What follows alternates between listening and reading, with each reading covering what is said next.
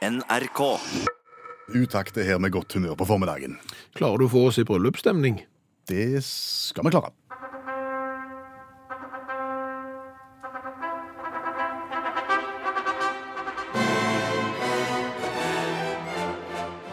Sånn. Ja, det funker bra. For vi går jo inn i ei høytid nå for uh, bryllup. Svært mange skal gifte seg på sommeren. Og spørsmålet er jo da uh, får mange fondygryte? Om, brudepar får fondygryte i presang.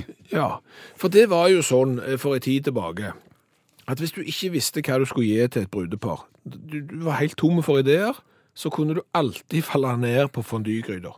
Fondygryter sto som en påle på kjøkkenet, bokstavelig talt. Alle trengte fondygryte, og det var kjempepopulært. Verva du noen i bokklubben, så fikk du fondygryte til. De som du verva, fikk fondygryte pluss fem krimbøker som de ikke hadde lyst å, å lese. Verva du noen til å bli avisabonnent, så fikk du fondygryte. Gikk du på Kollialen og kjøpte et halvt kilo kjøttdeig, så fikk du fondygryte med. Du fikk fondygryte til alt, og, og det kunne du ha. Men jeg har et inntrykk av at det der er lite rift om fondygrytene nå. Kan du ta en kjapp innføring? Hva, hva var ei fondygryte? Altså, fondygryte er jo da ei gryte som står oppå et lite sånn stillas med en brenner under. Ja. Så tenner du på den, gjerne med rødsprit eller noe tilsvarende, noe olje. Så varmer den opp enten en form for frityrolje, så du kan stappe kjøttbiter oppi. Eh, Da kalles det fondue bourguignon. Så har du mer den sveitsiske fondyvarianten. Da har du sånn ost oppi, så du smelter, så stapper du brødbiter oppi, så smaker de kjempegodt på den første brødbiten. Etter den andre så blir du så lei av den smaken at du holder på å dø. Og så fulgte det med eh, spyd, gjorde det ikke det? Å, jo, jo. Å, som, ja. som, som du dyppa med? Ja, i, i forskjellige farger, sånn at du kunne vite liksom, jeg er grønn i dag, ja. Da, da er det grønne spydet mitt, mens eksempel du kunne vært rød eller blå, eller... Ja. Ja. Og, og valgte du smultvarianten, Ja. så lukta det Burger King i huset ditt i 14 dager etter middag. Ja, det lukta gatekjøkken, og det var jo direkte farlig. Vi holdt på å sette fyr på ei hytte på en hyttetur, eh, når vi satte kokken fondy von helvete bak spakene for å styre fondygryta.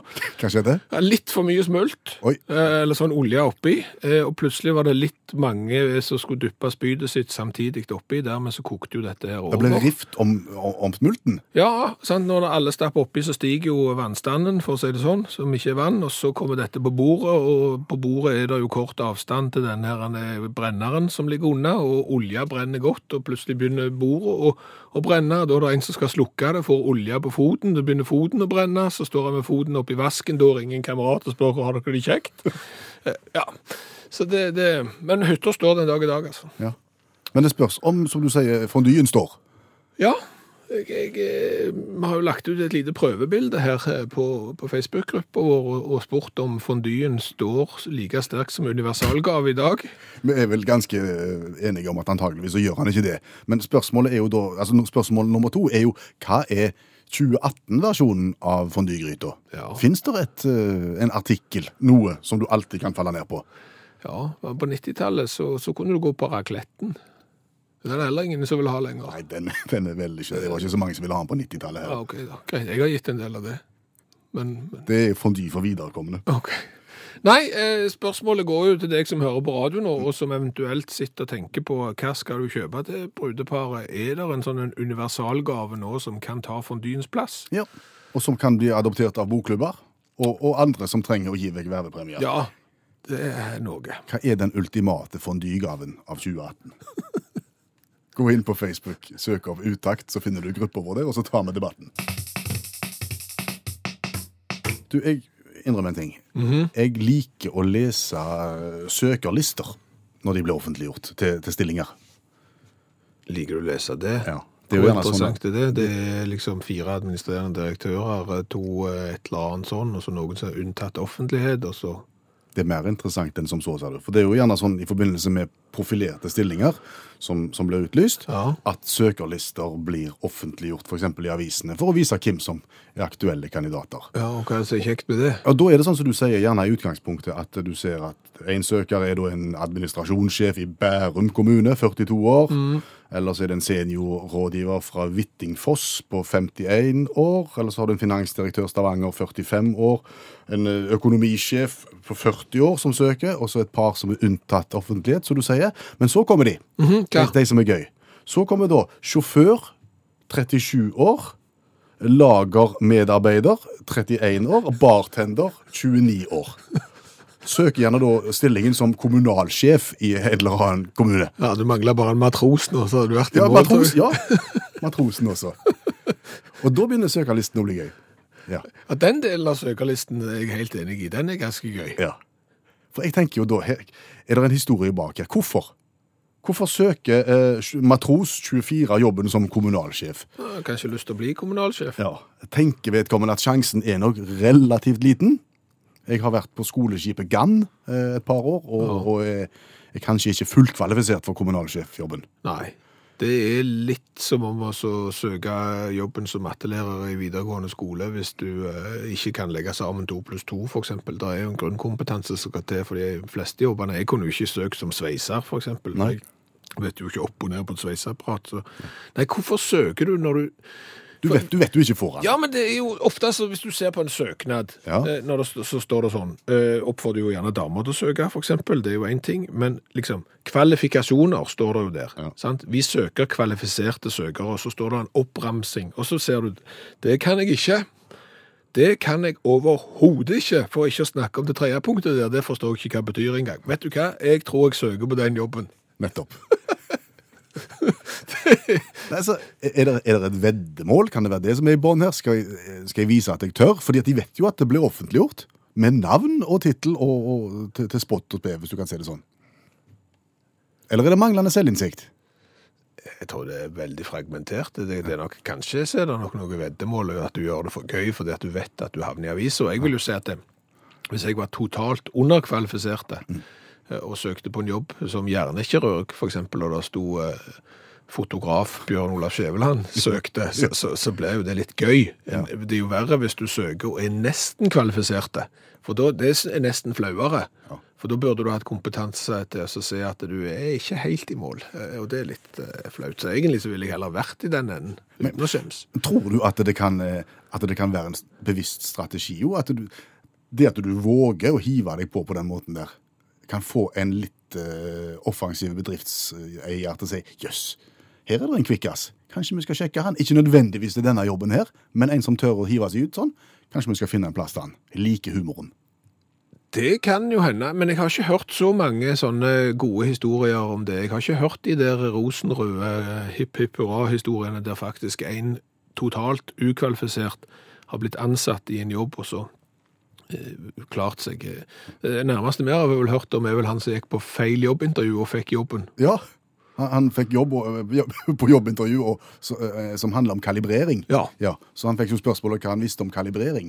Overhodet ingenting, sa han. Nei, for jeg skulle vært på jobbintervju faktisk rett over gangen, men jeg gikk til høyre istedenfor til venstre. Ja. Han fikk så, jo jobben. Ja, det ble så god tone at han fikk jobben.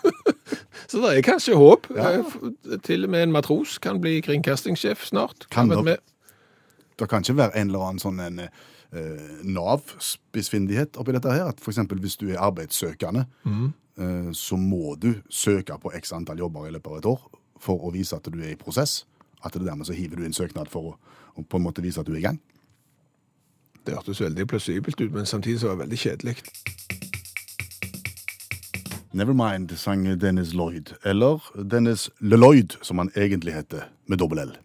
Ja, for Lloyd skrives jo svært ofte med dobbel L. Det er veldig rart.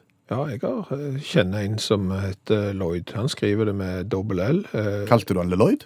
Nei, jeg kalte han ikke Lloyd. Alle kalte han bare Lloyd, men det er jo litt rart, for det er dobbel L, så det burde vært Lloyd. Ja. Altså, min sønn heter Lars. Ja, Det, det er Lars. det er Lars. Det ville aldri vært aktuelt med Le Lars. Nei, men altså, hadde du skrevet Lars, altså hadde du skrevet Lars med to L-er, Ja, men hvorfor skulle jeg det? Nei, men hvorfor skulle du det? Men la oss nå si at du hadde gjort det, da. Ja. Så, ville du, så ville du ikke gjort det hvis han skulle hete Lars, for da hadde du bare kalt han for Lars. Ja. Så du hadde jo lagt til en L ekstra for å oppnå noe. Nettopp. For eksempel Le Lars. Ja. Så hvorfor er det ikke sånn også da hvis du heter Lloyd, at du heter Lloyd hvis du har én L, og så heter du Le Lloyd hvis du har to? Nei, og Kim kom på det, det at det skulle være to. Nei, og, og, og vet du hva som gjør at dette her blir enda mer eh, vanskelig å forstå? Nei. Det er jo at liksom dobbel L skal uttales som én. Ja, skal det nå det? For jeg ble sittende og se på en eh, krim her eh, om dagen ifra Wales. Fra Wales. Fra Wales, ja. De som er kjente fra kringla og en hel haug med konsonanter etter navn. Ja. Der var det en som het Lelev, altså L-L-E-W. Ja. Lelev. Lelev. Og, og hør hva de kalte han. Clew. Ja, det var ikke lett å høre. Nei, men en gang til. Klau. Klev? Klau. Klau. Klau. Altså, dobbel L ble Clov. Ble K. Så egentlig så heter kameraten din Cloyd. Ja, Da ble det lettere. da ble det mye lettere. Da har du hørt sangen Nevermind, og artisten heter Dennis Cloyd. Ja. Da har vi det. Du, eh, det passet egentlig veldig godt at vi, vi snakket om eh, ting, eh, hva det heter og hvordan det uttales. For hva heter et menneske som ikke spiser fisk? Hvordan kom du på det nå? Hvordan jeg kom på det? Nei, jeg har tenkt på det litt.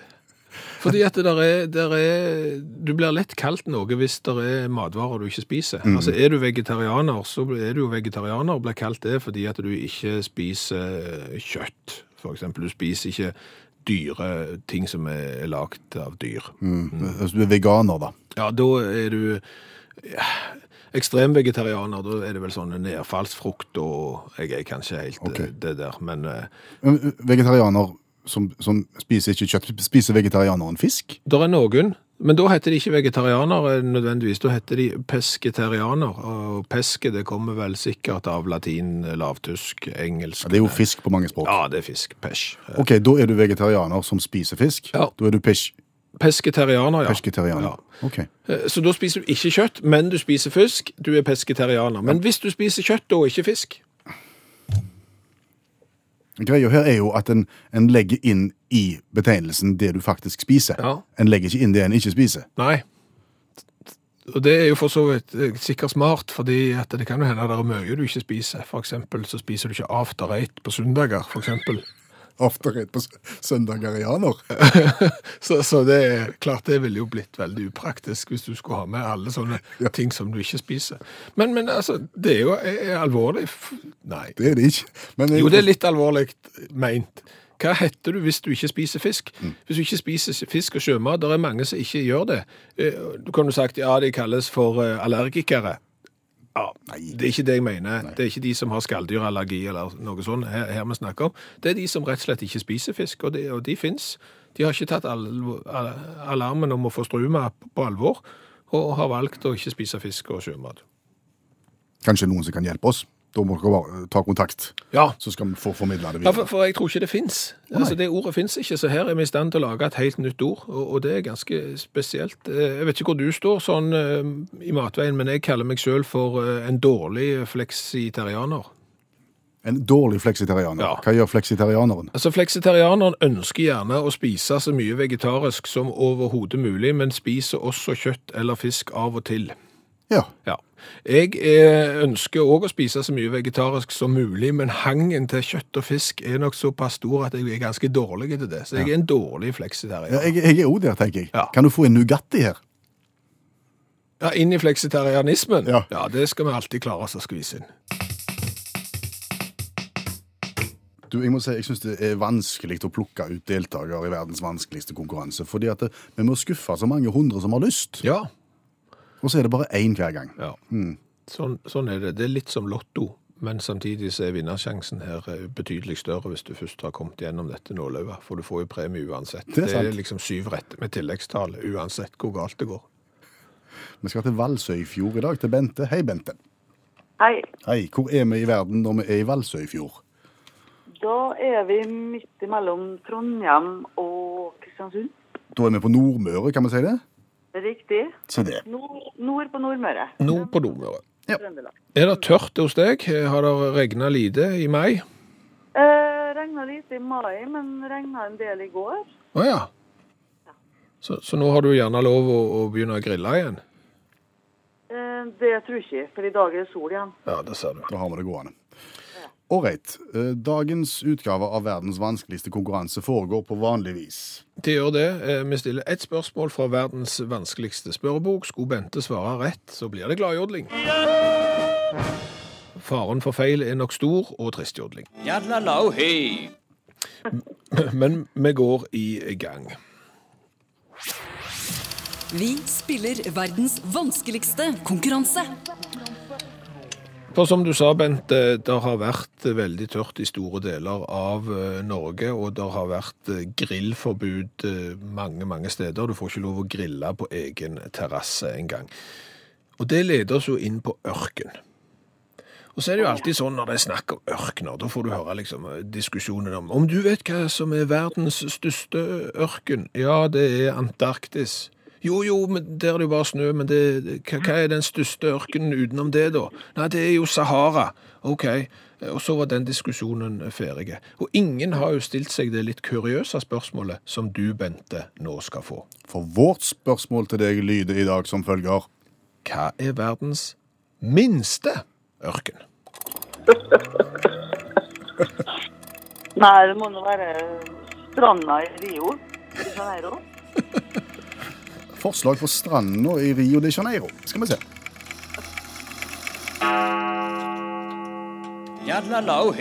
Oi sann. Ja, det var dessverre feil, altså. Kreativt. Ja, veldig kreativt. Eh, I denne konkurransen i dag så er det første gang vi hadde godkjent eh, to forskjellige svar. Eh, Det offisielle, det som Guinness rekordbok opererer med, det er nemlig at Atacama-ørkenen i Chile er verdens minste. Og den er 105 000 kvadratkilometer. Det er jo relativt stort, eh, men det er så lite i forhold til Sahara at det kvalifiserer til å være verdens minste ørken. Det er det ene svaret. Det er det ene svaret vi hadde godkjent. Det andre svaret var Rio. Nei, det var ikke det. Det andre svaret var Carcross Desert i Yukon i Canada. Den er ganske gøy, Bente. Nå skal du høre. For det er en plass der de bruker aktivt i markedsføringen at vi er verdens minste ørken. Og den ørken skal da være 2,6 kvadratkilometer. Så det er ikke store greiene. Mindre enn Rio. Mye mindre. Faktisk. Ja. Eh, Det som er greia er at de er ikke godkjent som verdens minste ørken, fordi at det er jo faktisk bare ei store sanddyne. Men det er gjerne pirk. De eh, bruker iallfall det i all reklame for seg sjøl. Verdens minste ørken, Carcross Desert i Canada. Og den andre, hvor lå den hen, Bente? Bare for å sjekke at du henger med. Ja, Den lå i Chile. i Chile. Ja. Da har vi en litt stor i Chile, og så har vi en bitte, bitte liten en i Canada. Ja, det stemmer. Da, har du litt, da har du litt å ta med deg på fest. Ja, det har jeg. Fun fact om ørken, det slår aldri feil. Knusktørr underholdning. Ja. Ha en god dag, Bente eh, Sæther. T-skjorta med V-hals på vei i posten. Ja. Men hva, hva er egentlig def definisjonen på en ørken, jeg mener, siden de er uenige her om hva som er den minste? Altså Grunnen til at den eh, ørkenen i Canada ikke er en ørken, er fordi det regner for mye, rett og slett. Det er sand, og det er jo ei sanddyne, men i det området der så regner det 500 millimeter i året, og det er dobbelt så mye som det det må være for at det skal være en ørken. 250 millimeter nedbør eller mindre, I året. ja, i året, da kvalifiserer du til ørkenstatus. Det er ikke rare skvetten, det. Nei, det er jo ikke mye. Hvis du ser på Brekke i Sogn, eksempel, så kom det vel 3575 millimeter med nedbør i fjor. hvis jeg ikke- 3,5 meter. 3,5 meter med nedbør, ja. Det er jo litt spesielt hvis du samler på det. Hvor skal du ha det henne, liksom? Hvor legger du 3,5 meter nedbør? Går det an å overleve i denne her ørkenen? Ja, det går jo. Altså, jeg, jeg har vel lest at hvis du skal overleve i en ørken på, på ubestemt tid, hvis du velger det som bosted, fatter ikke hvorfor det, men hvis du nå velger det, så må du ha 5,7 liter vann per dag som menneske. Så du bør bunkre opp litt da. Ja, og gjerne litt mat i tillegg òg, da kanskje? Ja, eller også gjerne en kamel, og så et par beduiner, og så et eller annet sånn et... eh, Is, hvis det er tilgang på det. her. Jo, jo, men hvis du har kameler, da må du vel òg ha nåløye, må du ikke det? Følger ikke det med? Er det ikke noe der? Det, det er noe der, men det er ikke alltid det følger med. For det er ganske vrient for kamelen å gå gjennom nåløyet. Å ja, det er litt som at det er lett å se flisen i bjelken, men ikke så enkelt å se bror din i øya. Ja, det er der det ligger. Sånn er det, ja.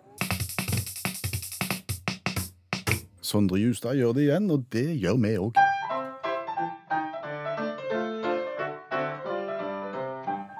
Vi skriver ei revyvise om et aktuelt tema, og framfører den. Den tar 28 sekunder å synge. Ja, og, og det er jo egentlig fordi at det gir oss en anledning til å kikke rundt i den store verden etter litt artige nyhetssaker, eh, og så oppsummerer vi det i sangsform, eh, som du sier, på 27 sekunder. Hva har du funnet i dag? Eh, Ja, det er jo det der at det er så vanskelig å, å vite hva du skal ta. For det er ganske mye gøy der ute. Jeg, jeg holdt jo på å falle ned på, på mannen som frakta bil på trehjulssykkel. Mann frakter bil på Ja, det er jo ikke helt sant. Nå, nå spisser jeg han vel. Men du har sett sånne eh, fraktemopeder Ja. eh, som har tre hjul, altså to hjul bak med lasteplan eh, og, og sal. Eh, han hadde vært ute og kjøpt seg bil. Eh, og vi og vi er i Kina her. Ja. Og dette er jo filma òg, så hvis du søker på internett, så finner du det sikkert. Eh, så skulle han ta med seg denne bilen, eh, fordi det, han skulle bruke den som delebil, han skulle selge deler og sånn. Så han var ikke kjørbar. Men da plasserte han den oppå bagasjelokkebrettet på denne trehjulsmopeden sin, på tvers. Ja. Og så kjører han i gatene. Og når du kjører med en bil på tvers, så tar det ganske mye plass, og så ser det ganske gøy ut. Det, men det ble ikke den. Det ble Nei, det ble eh, heller ikke den neste. Eh, Det er jo at Thailand nå sliter med store problemer i forbindelse med hvitløksmugling. Hvitløksmugling fra Thailand. Er det blitt et stort problem? Inn til Thailand. Inn til Thailand. Ja, fordi at eh, selv om hvitløksprisen har stupt i, i Thailand, så er allikevel Thailand mye dyrere på hvitløk enn landene rundt. Blant annet også Kina, som er den største hvitløksprodusenten i, i verden. Og når du er fra Thailand, så liker du hvitløk. Og dermed så begynner de å smugle de hvitløk inn over grensen, og nå er Forsvaret satt inn i hvitløksjakten. Fordelen må jo være at det er jo enkelt å lukte seg fram til hvem som eh, smugler hvitløk, kan jeg tenke meg. Men, eh, Men det ble ikke den heller? Nei, det ble ikke den heller. For vi må til USA, ser du. Vi må til en nekrolog i USA som har skapt oppstandelse. Hvorfor det? Fordi at det var ei dame som døde, eh, 80 år gammel. Og da satte ungene hennes inn en nekrolog i avisa. Og du kan si at det første setning er jo for så vidt greie. Det forteller hva dama heter, hvor gammel hun var, og, og hvem hun var gift med. Så begynner det vel kanskje å bli verre etter hvert. For da sier nekrologen det at denne damen her ble i 1962 gravid med mannen sin bror. Altså onkelen til, til barna? Ja, og så flytta hun til eh, California og lot barna sine, Gina og Jay, være igjen, og la de vokse opp hos besteforeldrene istedenfor. Og dette skriver de om i nekrologen? Dette skriver de om i nekrologen, og til slutt så står det at du kommer ikke til å bli savna av Gina og Jay. Eh, Du kommer til å bli dømt der du havner nå. Så kan du gjette hvor eh, det er, og verden er blitt en bedre plass når du ikke lenger er her. Veldig spesielt med sånne nekrologer. Veldig spesielt, og diskusjonen om den skulle vært trykt i aviser har jo selvfølgelig vært eh, stilt. Nå kommer det nok en diskusjon om det burde blitt ei revyvise om det. Det har blitt en revyvise av det.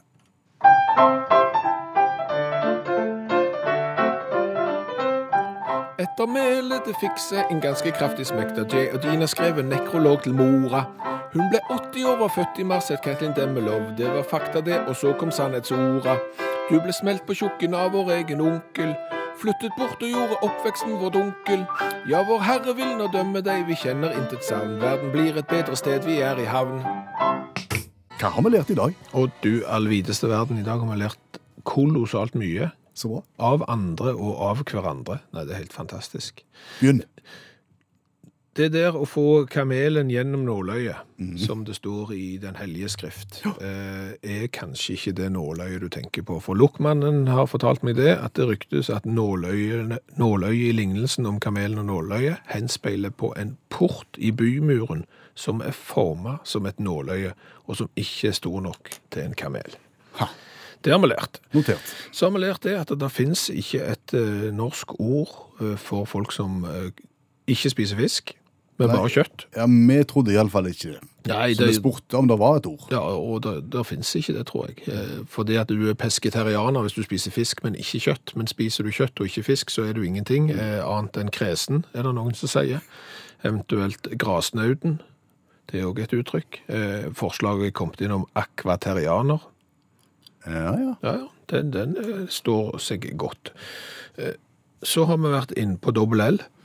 Ja, det begynte med at vi spilte en artist som heter Lloyd, men som skriver det med dobbel L, altså LeLloyd. Ja. Og hvorfor gjør en det? Nei, og hvorfor gjør han det? Eh, Hvis dette hadde vært på spansk, Ja. så er jo det litt spesielt. For f.eks. Mallorca. ja, nå sa jeg Mallorca, sant? men Dobbel L. dobbel L i midten uttales Mallorca. Eh, Altså en J. Eh, Og dermed så vil jo alle som heter LeLloyd, Heter Lloyd? heter Joid, sier Runar i, i Spania. Og det er jo litt show. Hva du heter Joid. Eh, Så har vi jo lært litt om fondyen. Ja, har vi nå det? Ja, for eh, han står overraskende stødig og godt og stabilt, fondyen. Vi begynte dette programmet med å snakke om fondyen, som var den bryllupsgaven som alle fikk for en del år siden. Enten, altså Bryllupsgave, vervepremie overalt. Og så tenkte vi nå er han vekke, og så tenkte vi hva er 2018-varianten av fondygryte? Og svaret er kanskje fondygryte. Ja, kanskje fordi at Karin og Liselotte og en hel haug med folk forteller at de bruker fondygryte regelmessig, så den er kanskje ikke død allikevel, selv om Asbjørn nok er inne på det her. Han sier det at kjøkken, knivsett og treningsutstyr er dagens universalgaver. Ok. Ja. Vi lært eh, at verdens minste ørken er Atacama-ørkenen i Chile. Men de som hevder å være verdens minste ørken, det er nemlig Carcross Desert i eh, Canada. En eh, liten sandflekk på 2,6 kvadratkilometer. Men det er egentlig bare ei sanddyne, så den teller ikke. Så har vi òg lært det de siste ukene, at det er så knusktørt i Norge at det har vært grilleforbud. Det har til og med vært områder, f.eks. det vi bor i, der du ikke får lov til å grille med gassgrill på egen terrasse, sier Du, brannvesenet. du sier har vært, det er per nå. Ja, det er per, per nå. Og, og da har vi jo fått et tips om hvordan du kan eh, lage mat, sånn som det ble gjort på 80-tallet, før døgnåpne bensinstasjoner kom, og du måtte være kreativ når du skulle varme nattmat eh, på transportetapper rundt omkring i Norge. Da var det å ta kylling og grille den på manifoilen på motoren i en 71-modell Volvo. Det var undervurdert som eh, tilberedningsmetode for mat. Hør flere podkaster på nrk.no podkast.